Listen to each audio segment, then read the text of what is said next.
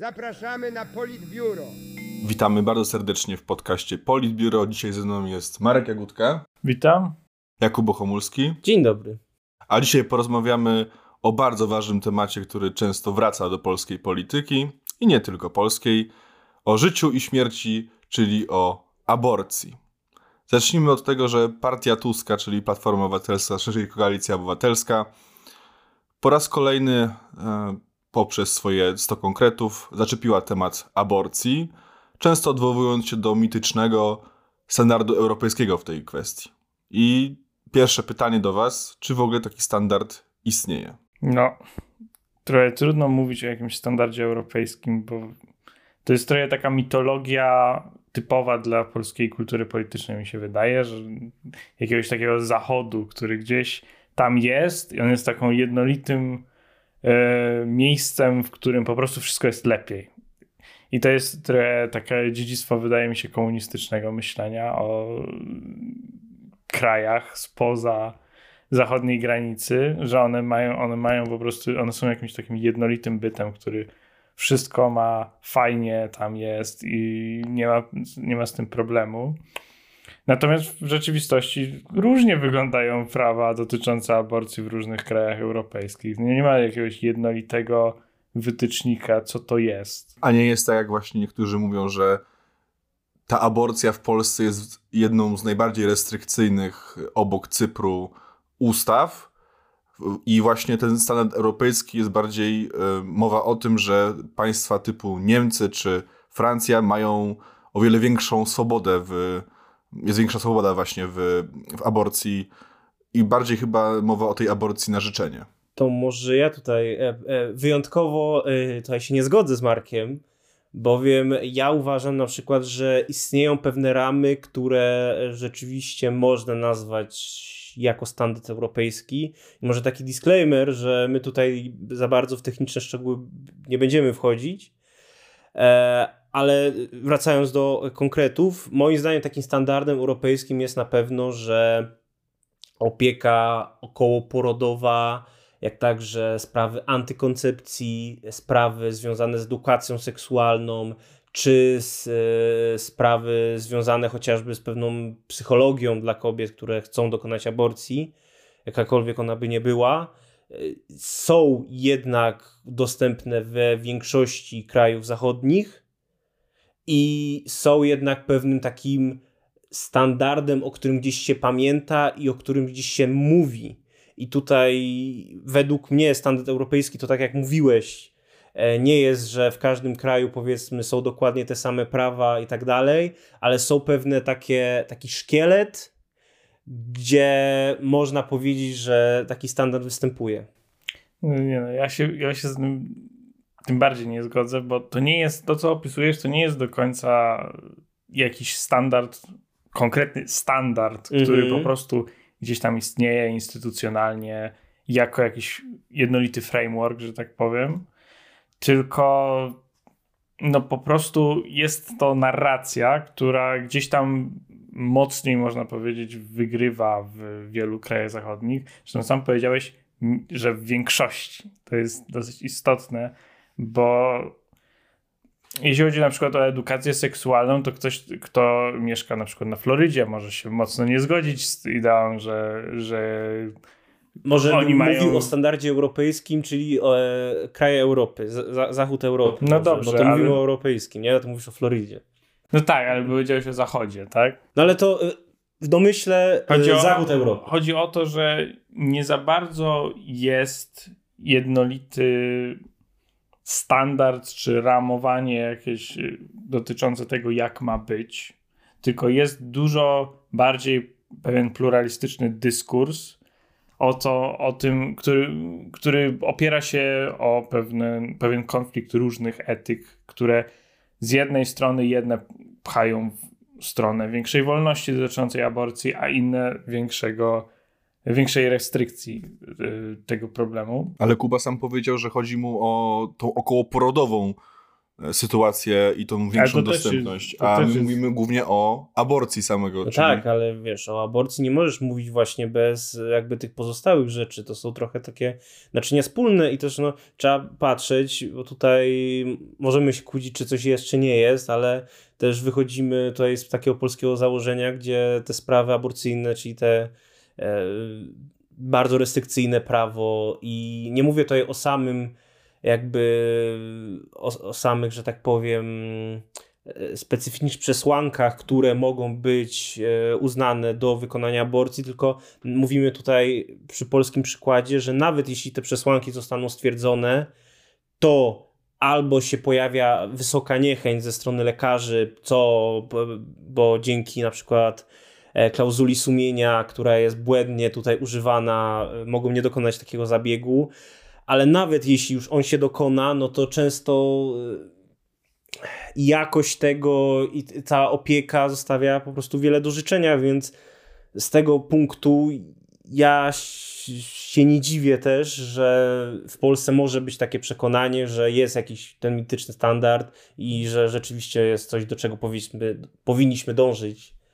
Znaczy, ja podchodzę do tego w ten sposób, ja, bo ja osobiście jestem zwolennikiem wolnej aborcji, do, dosyć radykalnym nawet bym powiedział, ale e, rzecz w tym, że jestem sceptyczny wobec takich narracji, że jest gdzieś tam jakiś ustanowiony już cel, do którego my po prostu musimy dążyć, bo to jest te, taka mitologiczna narracja dotycząca postępu, że tam jest już przyszłość, która jest już zdecydowana. To absolutnie jest cel, do którego dąży cywilizacja, a my jesteśmy do tyłu. A w rzeczywistości, i zresztą swoją drogą, przeciwnicy aborcji myślą o tym często w dokładnie takich samych ramach, tylko że według nich to Zachód jest bardziej zdegenerowany, a my to jeszcze coś tam bronimy.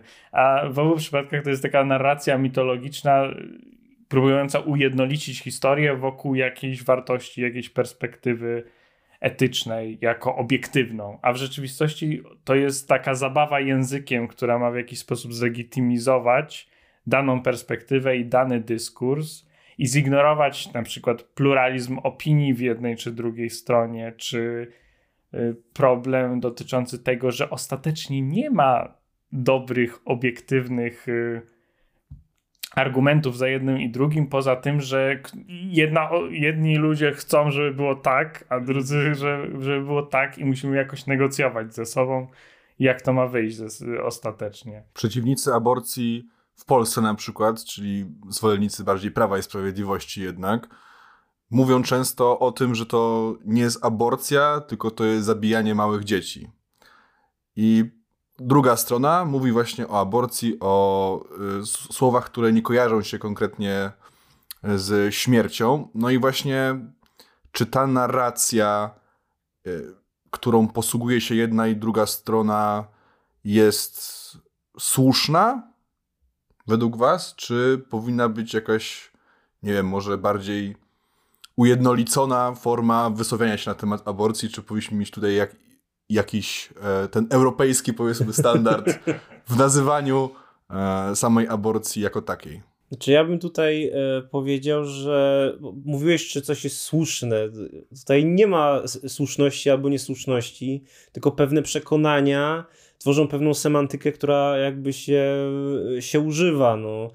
Na pewno jest, są jakby powiedzmy europejskie standardy mówienia o aborcji, ale tu można o tym mówić, oczywiście w cudzysłowiu, w cudzysłowie, że nie wiem, na przykład e, w artykułach naukowych, gdzie pewne rzeczy muszą być jakby opisane według odpowiedniej terminologii, ale w takim dyskursie politycznym, pewnej warstwie narracji, pewnych mitach, które są e, tutaj e, też używane, no to nie ma czegoś takiego po prostu, czy słuszne, czy nie, więc Tu można porównać to trochę do te teorii dyskursu hegemonicznego, o którym mówił Michel Foucault, że jakbyśmy próbowali ujednolicić w cudzysłowie mówienie yy, i semantykę wobec jakiegoś problemu, to w rzeczywistości to nie byłoby żadne ujednolicenie obiektywne, bo czegoś takiego nie, nie istnieje. Język zawsze wychodzi z jakiejś perspektywy który, człowieka, który mówi i wyraża jakieś obserwacje z jego perspektywy, więc ujednolicenie semantyki prowadziłoby do tego, że jakaś grupa i ich semantyka po prostu by zwyciężyła i wykluczyła perspektywy, które jakoś nie wpasowują się w ich hegemoniczne myślenie i ich perspektywę, która by zdominowała i zaczęła być uznana, uznawana za neutralną, prawdziwą i tak dalej. Kuba wspomniał o pracach naukowych i jeden z pojęć, które jest e, używane jako medyczne określenie aborcji jest terminacja ciąży. I z twoich słów troszeczkę wynikało, że w pracach naukowych powinniśmy się posługiwać terminologią naukową. A czy już takie zaznaczenie, że to jest terminacja ciąży, nie wpływa na to, jak postrzega obiekt w formie naukowca e, tę sprawę i czy właśnie to już nie, nie, nie determinuje jego światopoglądu na ten temat? W nauce jest tak, że po pierwsze się próbuje znaleźć słowa, które nie dyskryminują albo nie mają ze sobą negatywnych konotacji. I nie chcę odpowiadać na pytanie, na ile y, użyłeś słowa terminacja. Terminacja ciąży. E, tak. je, je, e, jakby wpasowuje się w te kryteria, aczkolwiek faktem jest, że być może jest to dlatego ta terminacja ciąży jest używana zamiast słowa aborcja, bowiem aborcja ma pewne negatywne konotacje. Być może e, jest, nie wiem, słowem, które nie powinno się gdzieś używać, i dlatego też jest próba e, jakby takiego powiedzmy ne pewnego neutralnego słownictwa. No ale czy terminacja ciąży nie jest próbą sprowadzenia tej całej sytuacji do zabiegu medycznego, czyli rzeczy, która powinna być normalna? Jest. Jakby w pewnym stopniu jest po prostu. I że tak powiem, jeszcze raz nawiązując do Foucault, to jest nauka nie jest wolna od y, tych kontekstualnych uwarunkowań, kultury, perspektywy i oceniania, którego się po prostu tego się nie da. Chociaż powinna w największym tak. stopniu być, ale nie, nie da się w 100%. Tak, ale nie? bycie neutralnym to jest taka praca syzyfowa. Ostatecznie nieważne co powiesz, zawsze wyrazisz w jakiś sposób tylko jakąś perspektywę, bo to jest w naturze języka samego w sobie. Jak coś mówisz, to coś określasz, czyli definiujesz, jakie jest, a rzeczywistość, jako że może być zawsze y, widziana z różnych perspektyw, e, i dana perspektywa nigdy nie zobaczy pełni rzeczywistości, no to kiedy dana perspektywa próbuje w języku zdefiniować rzeczywistość, jakkolwiek ona jest, to zawsze będzie w jakiś sposób ograniczone. I nauka niestety nie jest od tego wolna. To jest wieczny problem naukowców. W Polsce pojawiają się dwie narracje: Ciemnogród i cywilizacja śmierci. Czy mamy tylko te dwie perspektywy, czy też one same mogą być ze sobą sprzeczne i mają swoje podnarracje w tych w tej sprawie aborcji. No właśnie to jest ciekawe, że generalnie myślimy o tym, e, o w ogóle problemie aborcji też z takiej perspektywy, że mamy po jednej stronie ludzi, którzy mówią, że zakaz aborcji to jest jakiś ciemnogród i my jesteśmy po stronie postępu, a z drugiej strony mamy ludzi, którzy mówią, no to są zwolennicy cywilizacji śmierci, a my tu bronimy cywilizacji życia, trzeba zakazać aborcji, prawda?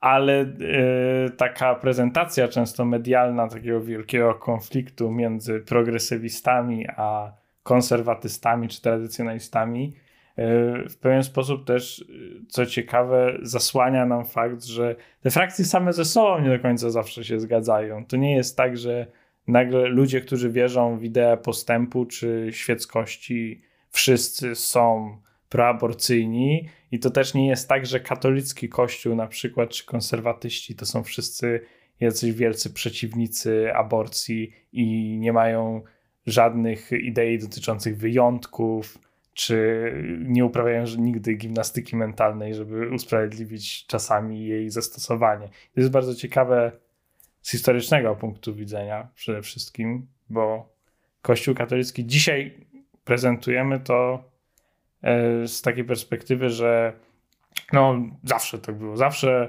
Kościół katolicki to był przeciwko aborcji i nie wolno robić aborcji, jeśli jesteś katolikiem. To jest koniec dyskusji. A w rzeczywistości to jest y, skomplikowana sprawa, bo bardziej to, jak mamy dzisiaj narrację od Kościoła katolickiego, to jest wynik trochę zwycięstwa pewnej frakcji wewnątrz Kościoła, która ustanowiła, że nie ma dyskusji na ten temat i my mówimy, że jest tak i przestańcie kwestionować. Ona, ta frakcja najbardziej urosła w siłę z tego co pamiętam, ze względu na pontyfikację na Pawła II, między innymi, który też należał do tych e, zwolenników takiego tradycyjnego podejścia. A jak popatrzymy na historię, to możemy spotkać się z opiniami pokroju, że płód do któregoś tam tygodnia jeszcze nie ma duszy, bo nie uformował się jako istota ludzka, albo były wielokrotnie idee pokroju, że jeśli y, życie matki jest zagrożone, to wielu chrześcijańskich y, lekarzy jeszcze z czasów renesansu na przykład, czy późnego średniowiecza uważało, że można y, dokonać aborcji, można wymusić poronienie, albo nawet są opisy zabiegów chirurgicznych, które dzisiaj byśmy nazwali późną aborcją, tak zwaną.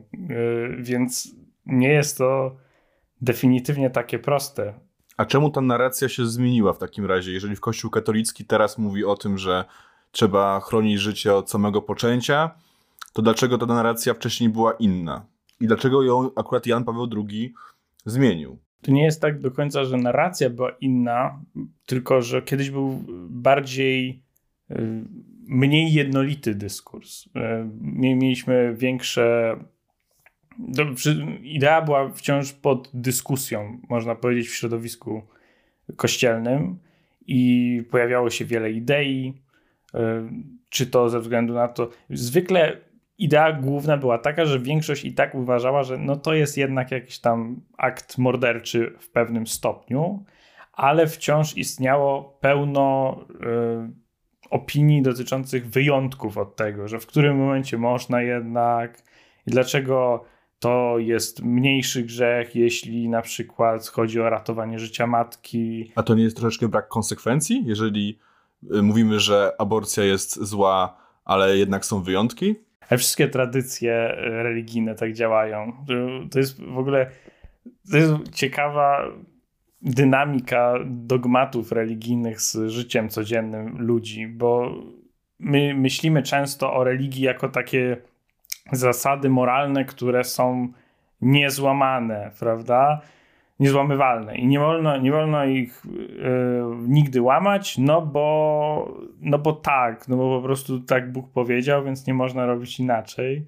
A w rzeczywistości ludzie religijni codziennie od zawsze negocjowali, prawda, w jakiś sposób ze swoim życiem yy, i ze swoimi warunkami w życiu.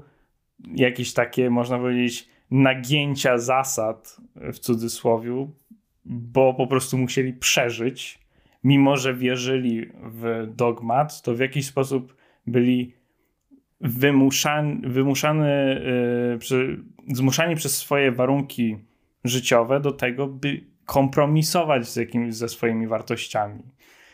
To rzeczywistość się pod odgórne definicje boskości i moralności tak naprawdę nie nagnie, to raczej one muszą być nagięte pod rzeczywistość, bo każdy żyć próbuje, yy, przeżyć próbuje, prawda?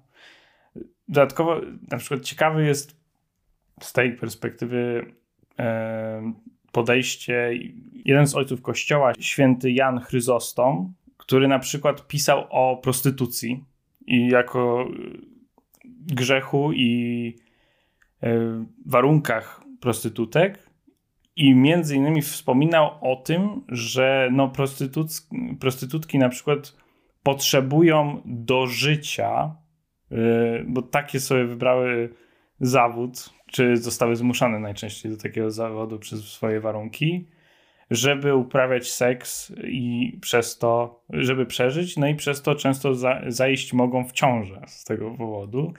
I Jan Chryzostom uważał, że jeśli taka prostytutka wtedy wykona aborcję, e, czy zażyje jakieś na przykład środki, które wy, wymuszą poronienie, no to grzech aborcji nie jest na, na nią głównie, bo mimo, że popełniła morderczy akt, to ona po prostu próbuje ratować swoje życie, bo, yy, do którego zmuszały, zmuszą ją warunki, a prawdziwy grzech główny jest na jej kliencie.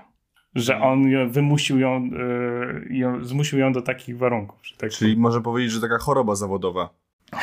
Można tak powiedzieć. No, ja bym tutaj dodał, bo to co Marek mówi jest, to oczywiście no, pozostaje mi nic innego jak się zgodzić, ale y, myślę, że tutaj takim po- potwierdzeniem tego, o czym jakby próbujemy powiedzieć, co chcemy przekazać, jest, y, są same jakby zapisy katechizmu Kościoła katolickiego, który powinien być takim powiedzmy elementarzem dobrego chrześcijanina. No i tutaj w, to są bodajże punkty, w punkcie 2271 możemy przeczytać, że Kościół od początku twierdził, że jest złem moralnym każde spowodowane przerwanie ciąży. Nauczanie na ten temat nie uległo zmianie i pozostaje niezmienne. Bezpośrednie przerwanie ciąży, to znaczy zamierzone jako cel lub środek, jest głęboko sprzeczne z prawem moralnym, co jest oczywiście, jak tutaj Marek powiedział i co ja też powiem, jest nieprawdą, bowiem te dyskusje y, były gdzieś po prostu zawsze prowadzone i właśnie z tego, co mi się udało dowiedzieć, one zawsze głównie polegały na tym, że od kiedy tak naprawdę można powiedzieć, że jest dusza w tym zarodku czy płodzie, albo też były bodajże takie myślenie na ten temat, że póki płód nie przypomina człowieka, nie może być człowiekiem, więc dlatego jeszcze nie jest nim, nie? A na, na czym mogę polega ta moralność, o, o, o której przeczytałeś? Tu już jest problem, nie? Że mówimy o moralności, ale to jest o, jakiej moralności, nie? Bo ka każdy może mieć swoją tak naprawdę. No chodzi o moralność Kościoła, tylko że tu jak czytasz tą katechezę, to chciałoby się zacytować rok 1984 i powiedzieć, że kto kontroluje przeszłość, kontroluje przy, przyszłość, kto kontroluje teraźniejszość, kontroluje przeszłość. Bo mamy tutaj y, przypadek, w którym no to jest rewizjonizm historyczny, po prostu. I powiedzieć, że y, zawsze Kościół miał taką, a nie inną y, pozycję, jest po prostu ekstremalnym nagięciem prawdy i y, stworzeniem po prostu narracji dotyczą, dotyczącej pewnej mitologizacji przeszłości, tak żeby ona pasowała nam pod tezę, żeby zlegitymizować ją. Ja powiem więcej, teraz nie powiem konkretnie, to może tak źle brzmi, nie? No tak z, zaufajcie mi, ale było coś takiego, że pewien papież kiedyś po prostu napisał, że nie powinno być aborcji, a po, jak się skończył jego pontyfikat wraz ze śmiercią przed kolejnej powiedział, no to co on napisał wcześniej, to jednak nieprawda i tak dalej, nie? Ale no tutaj ko ko- kościół, ka e katechizm kościoła katolickiego jest o tyle zabawny, że nie pamiętam w którym dokładnie punkcie, ale było o, o karze śmierci, która też później znowu została zrewidyzowana, jakby została nadpisana i została wykreślona, że jednak kościół nie popiera. Nawet jak była tradycyjna, to też nie popiera, nie? Mimo, że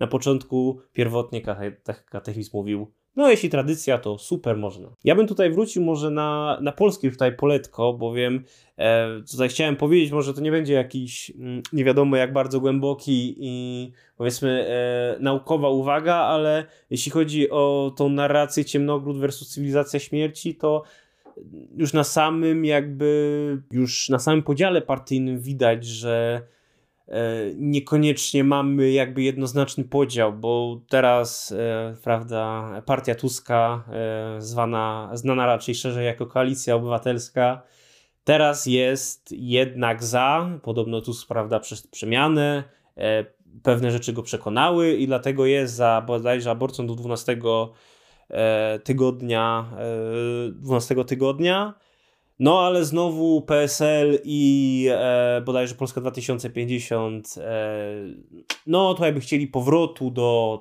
tak zwanego kompromisu. No PiS je, jest tutaj przeciwny, ale no jakby nie patrzeć, sam PiS nie zmienił tego prawa, tylko dopiero Trybunał Konstytucyjny, więc to też nie jest tak, że PiS tego chciał. Więc już na samym takim najprostszym podziale partyjnym widać, że to się gdzieś ta narracja powiedzmy gdzieś No tak, bo idea takiej jedności to jest przede wszystkim potrzeba legitymizacji całej idei, że tu chodzi o jakiś historyczny proces. y, To się nazywa potrzeba historyczna bodajże, że no, historia idzie w tą albo inną stronę. Jak jesteś progresywistą, to mówisz, że idzie w stronę ku lepszemu, no to musi, zro musimy zrobić tak, żeby była wolność, no bo wtedy jest progresywnie. Natomiast dekliniści powiedzą, że historia idzie zawsze w dół, no to trzeba przynajmniej powstrzymać jak najdłużej rozpad, tak?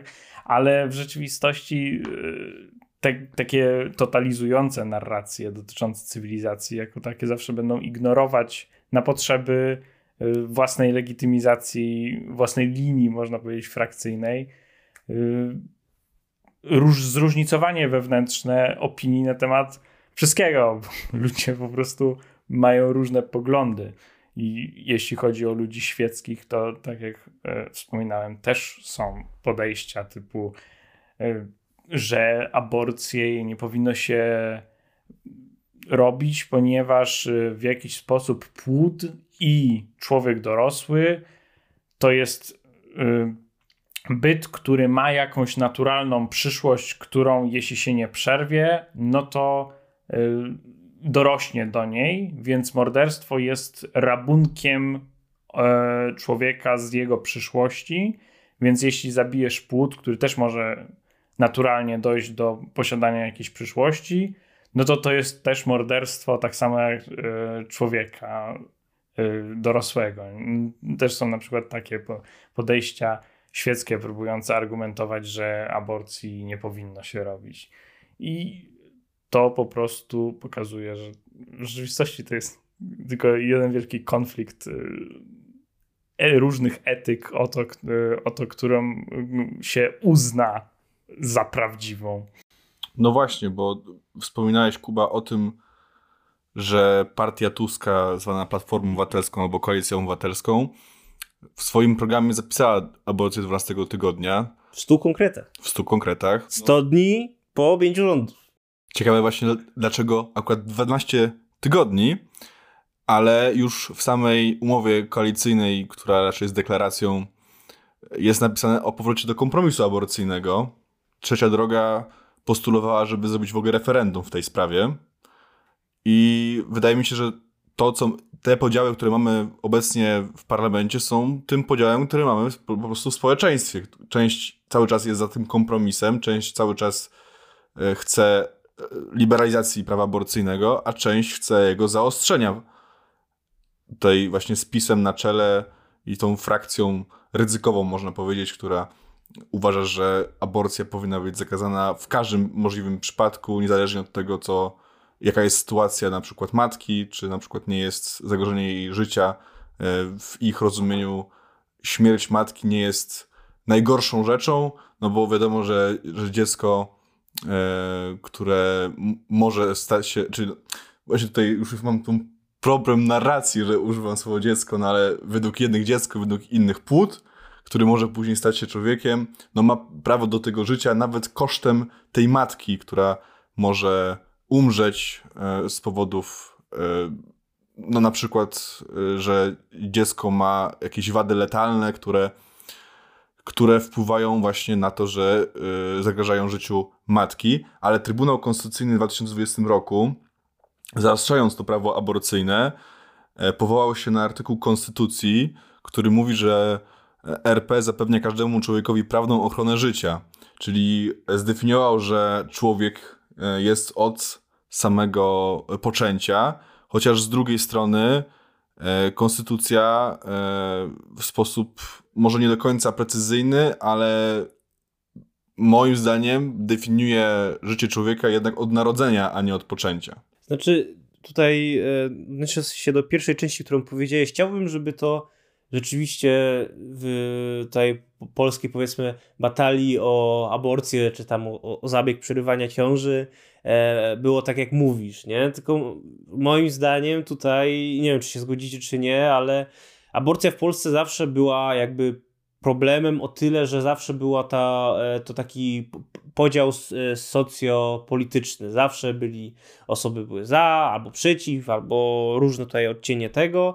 No i powinna być dyskusja, powinna być referendum i powinno to się rozwiązać. Niestety ten problem nie, był z, moim zdaniem głównie wykorzystywany bardzo cynicznie głównie właśnie wykorzystywany bardzo tak przedmiotowo i zwykle kiedy, kiedy ten temat wychodził, to, to po prostu próbowano na tym zbić po prostu jakiś polityczny kapitał, a nie rzeczywiście próbować rozwiązać ten konflikt. I tutaj takim moim zdaniem kluczowym jakby argumentem, który uważam go za, e, za takie cyniczne wykorzystanie jest e, wypowiedź Kaczyńskiego, Jarosława oczywiście, który po tym wyroku, e, po tym jak to wszystko się dokonało, bodajże kilka, kilka chyba tygodni, czy tam miesiąc, nieważne, przed wyborami teraz 2023 roku mówił, no, że no może tutaj, prawda, aborcja w Polsce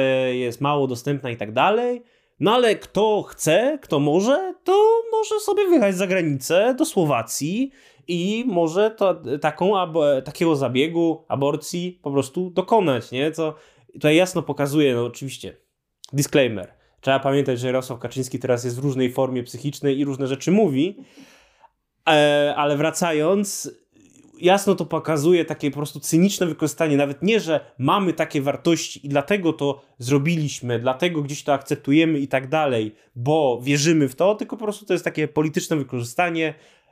Tego chciał powiedzmy swój elektorat, my nawet to za bardzo nie wierzymy. No i ten, kto będzie miał pieniądze, to sobie zrobi, ale reszta, że tak powiem, nas nie obchodzi. On nawet mówił, że można na każdym rogu ulicy dokonać tej aborcji. No to już jest tak zwana aborcja w podziemiu, to samo sobie było problemem, bo teraz też jaki disclaimer w, e, w PRL-u e, były te same jakby przesłanki aborcji, co były w kompromisie, tylko bodajże była jeszcze jedna, czyli jeśli była e, zła sytuacja powiedzmy kobiety, to też można było dokonać tego zabiegu, a było to właśnie spowodowane głównie tym, żeby tą, że tak powiem, te podziemie zlikwidować. Znaczy, ciekawe jest to, że jak mówisz o konflikcie związanym z aborcją i to, to mówisz o rozwiązaniu konfliktu, prawda? Bo że ludzie używają tego cynicznie, y, żeby przykryć to, zanim faktycznie spróbować rozwiązać konflikt. Natomiast y, myślę, że ważne tutaj. Że się go nie da rozwiązać. No właśnie, to jest ważne, żeby, żeby zaznaczyć, że nie bardzo da się go rozwiązać, bo to jest wiecznie gdzieś zawieszony y, w powietrzu problem tego, jak na przykład definiujemy osobę ludzką bardziej niż człowieka, bo to też jest częsty argument, że yy, przeciwnicy aborcji powiedzą, że przecież to jest też człowiek, ma DNA nowe ludzkie, prawda? Yy, a z drugiej strony yy, ludzie, zwolennicy aborcji będą powiedzieć, będą mówić, że tu nie chodzi o bycie człowiekiem genetycznie, yy, bo sama prezencja DNA, no to mogę sobie odciąć rękę i to też będzie obiekt z ludzkim DNA. Chodzi o bycie osobą yy, i konflikty dotyczące definicji tego, gdzie się zaczyna osobowość yy, człowieka, jest, będzie nierozwiązywalnym konfliktem, bo to jest totalnie interpretacyjne, bo na przykład religijni ludzie zawsze będą mówić, że to zależy od duszy, która jest niefalsyfikowalna, jest gdzieś tam zawieszoną nadnaturalną rzeczą, w którą oni wierzą i biorą na wiarę. Nie da się tego udowodnić. Z kolei po drugiej stronie barykady, po drugiej, e, można powiedzieć, ekstremum będą ludzie jak Peter Singer, którzy mówią, że osobowość zaczyna się od e, zdolności myślenia o sobie w kontekście samoświadomości i świadomości innych ludzi. Czyli piąty rok życia, dziękuję. E, on bodajże adwokuje około drugiego, żeby zacząć tak. Tam też była tak. taka definicja, że, że jak dziecko rozpoznaje siebie w lustrze.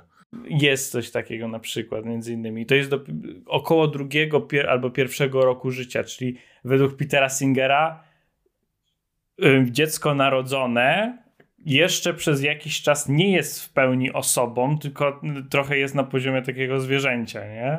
Czy nawet właściwie niżej niż wiele zwierząt. I to jest, no neurologicznie to jest prawda. Aborcja pozamaciczna. E, bo, bo w pewnym sensie rozwój yy, naszego umysłu jeszcze się nie zakończył w momencie, nie jest jakaś brama magiczna że jak, jak dziecko wychodzi z macicy, prawda? Przy okazji e, aborcji teraz e, na agendzie, że tak powiem, sejmowej pojawił się projekt in vitro i również są przedstawiane argumenty ze strony Prawa i Sprawiedliwości, że jest to e, mrożenie, a wręcz morderstwo potencjalnych ludzi poprzez to, że poprzez, podczas procedury in vitro część zarodków jest mrożona, dlatego że istnieje e, mała szansa, żeby z jednej komórki jajowej zapłodnionej e, powstał zarodek, który później przeprowadzi się w płód, a następnie w człowieka.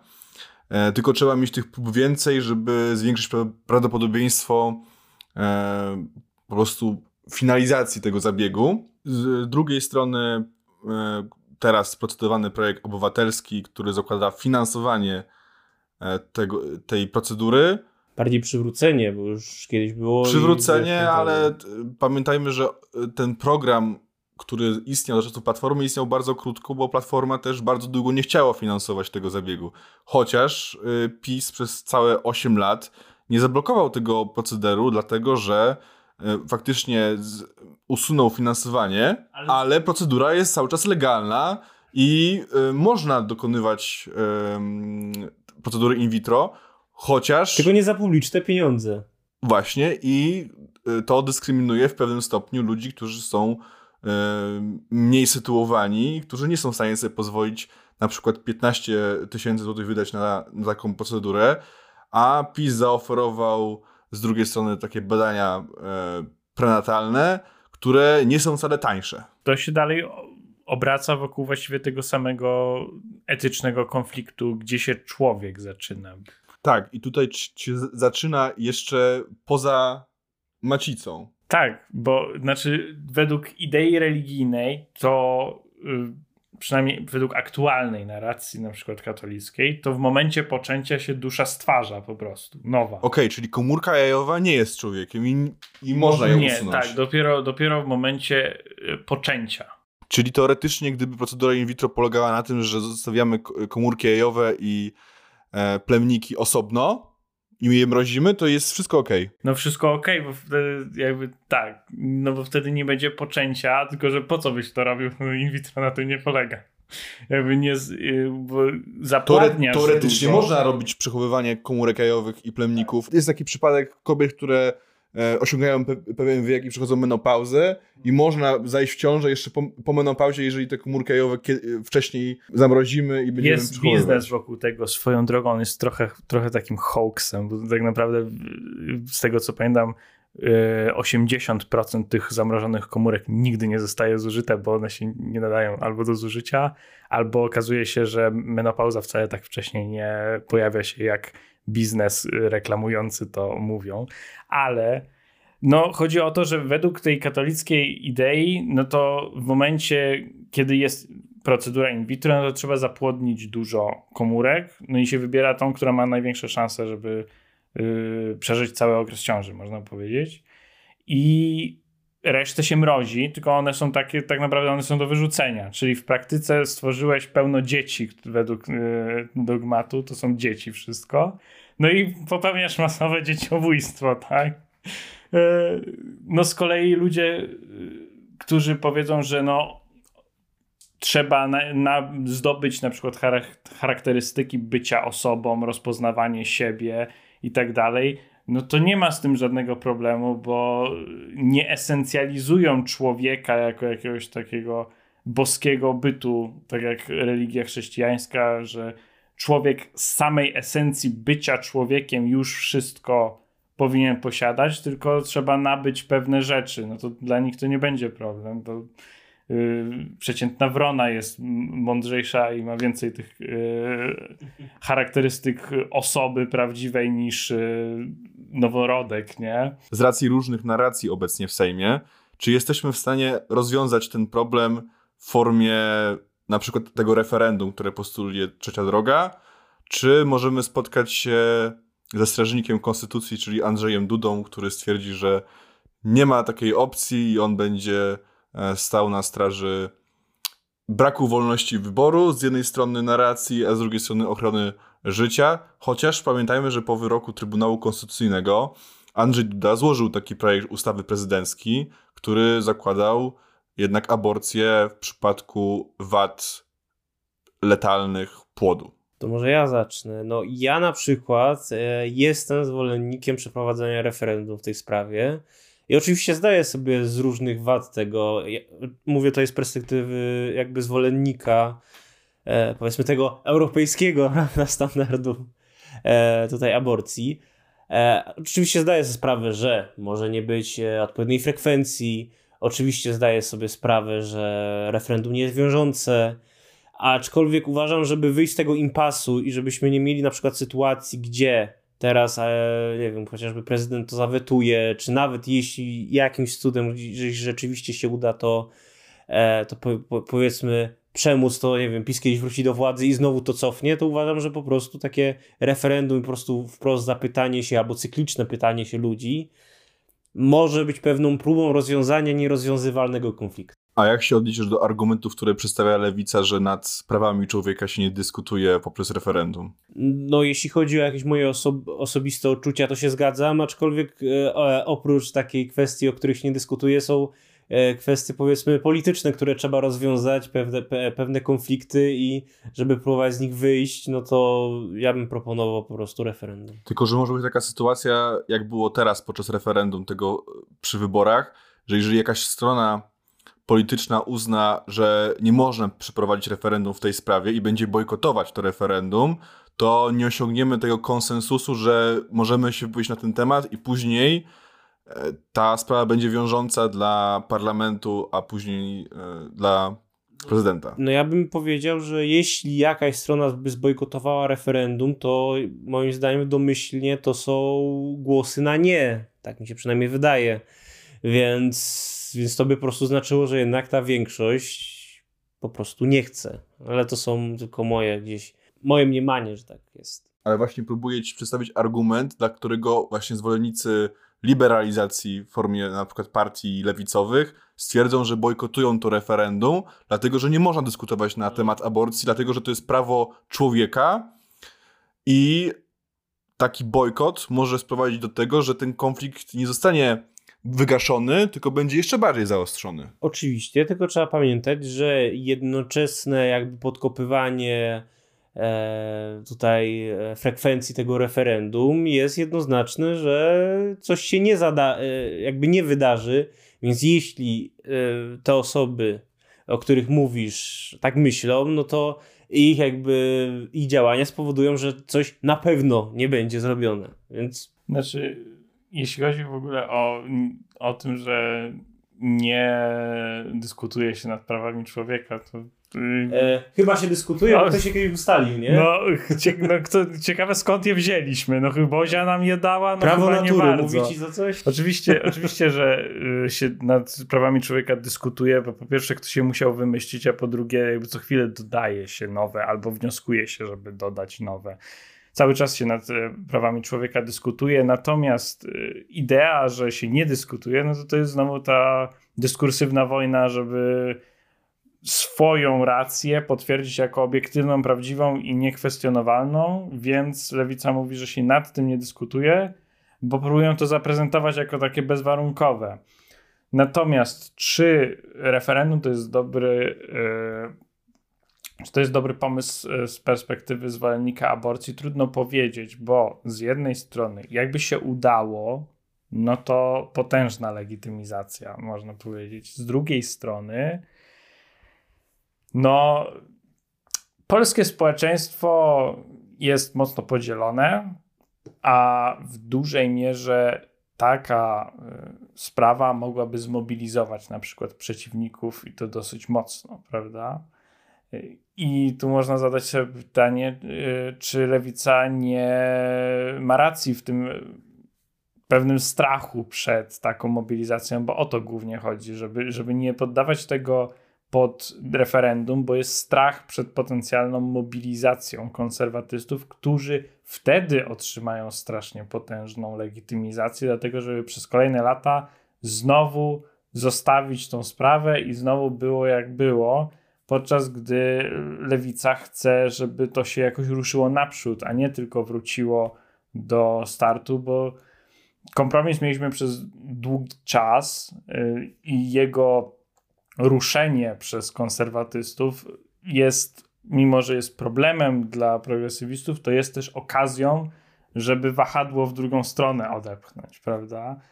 I o to głównie chodzi. A jeśli znowu je przywrócimy do ekwilibrium, no to przez długi czas może brakować impetu, żeby cokolwiek zmienić, bo każdy się będzie bał to ruszyć, dopóki znowu nie przyjdzie jakiś reakcjonista i nie powie, dobra, jednak, jednak trzeba zakazać, bo Jan Paweł II tak powiedział. No też pytanie, jak miało wyglądać to referendum, bo problem jest taki, że część ludzi ma, y, może mieć zdanie takie, że jest za powrotem do kompromisu, ale jeżeli by miała przeważyć opcja zaostrzenia, to wolałaby liberalizację na przykład. No właśnie. I musieliby dosłownie jak w ankietach dać takie spektrum, jak bardzo jesteś za lub przeciw aborcji.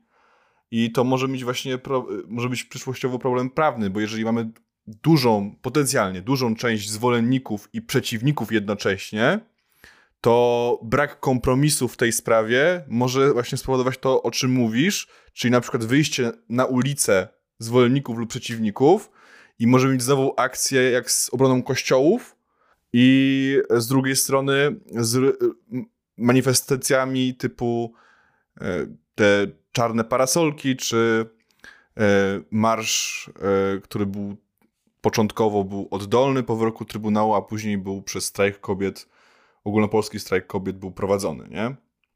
Także to jest, to jest ten problem i wydaje mi się, że referendum może być jakimś próbą wypracowania kompromisu, tylko ono właśnie się nie powinno zamykać, jeżeli w ogóle w trzech pytaniach, tylko powinno być bardziej sprecyzowane, czego chcą ludzie i jak uważają, gdzie na przykład nabywa się tą, e, te, to bycie człowiekiem, osobą, no bo też jeżeli e, osoba na przykład, która, która jest e, w łonie matki i powiedzmy, że już widać, że jest człowiekiem, powiedzmy, hipotetycznie, to czy na przykład nie powinno być praw wyborczych już?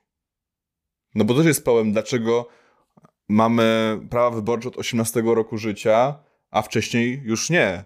No w niektórych krajach jest tak, że pewne prawa obywatelskie w formie prawa e, czynnego czy biernego są niższe niż w Polsce, na przykład tylko i wyłącznie do głosowania w wyborach lokalnych, albo też w euro, europejskich, gdzie tam była próba, żeby ujednolicić e, zasady wyborów europejskich i zmniejszyć ten wiek w całej Unii do na przykład 16 roku życia.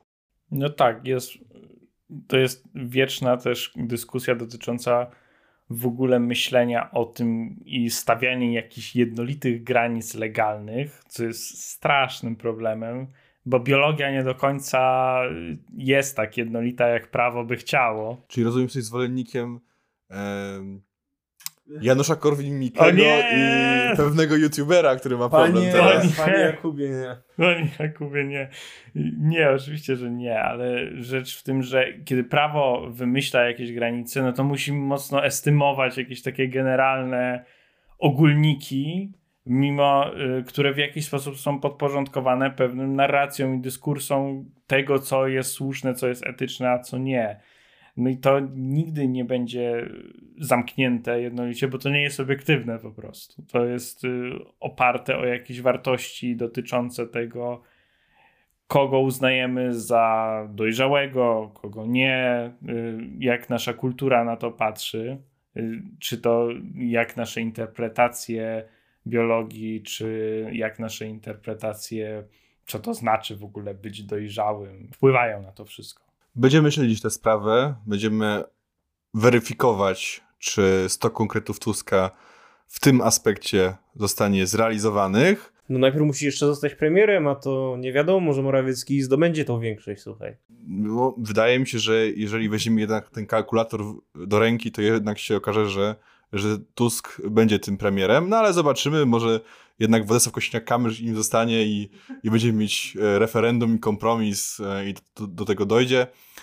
Zobaczymy, będziemy e, to śledzić, będziemy was informować. Też jeżeli macie jakieś jeszcze pytania odnośnie samej aborcji, to zachęcamy do komentarzy. Może coś jeszcze nie było do końca wyjaśnione, a temat nie jest. Temat nie jest prosty i każdy może mieć opinię na ten temat. Też nie próbowaliśmy Was przekonać do jednej czy drugiej racji, więc komentujcie, subskrybujcie, lajkujcie. Jeżeli Wam się też nie podobało, to możecie dawać kciuki w dół albo też w bok, jeżeli YouTube włączy taką opcję. Marek Jagódka, Do usłyszenia. Jakub Bohomulski No do usłyszenia. i ja, czyli Kuba Wiglusz. Do usłyszenia. To było Politbiuro. Do usłyszenia.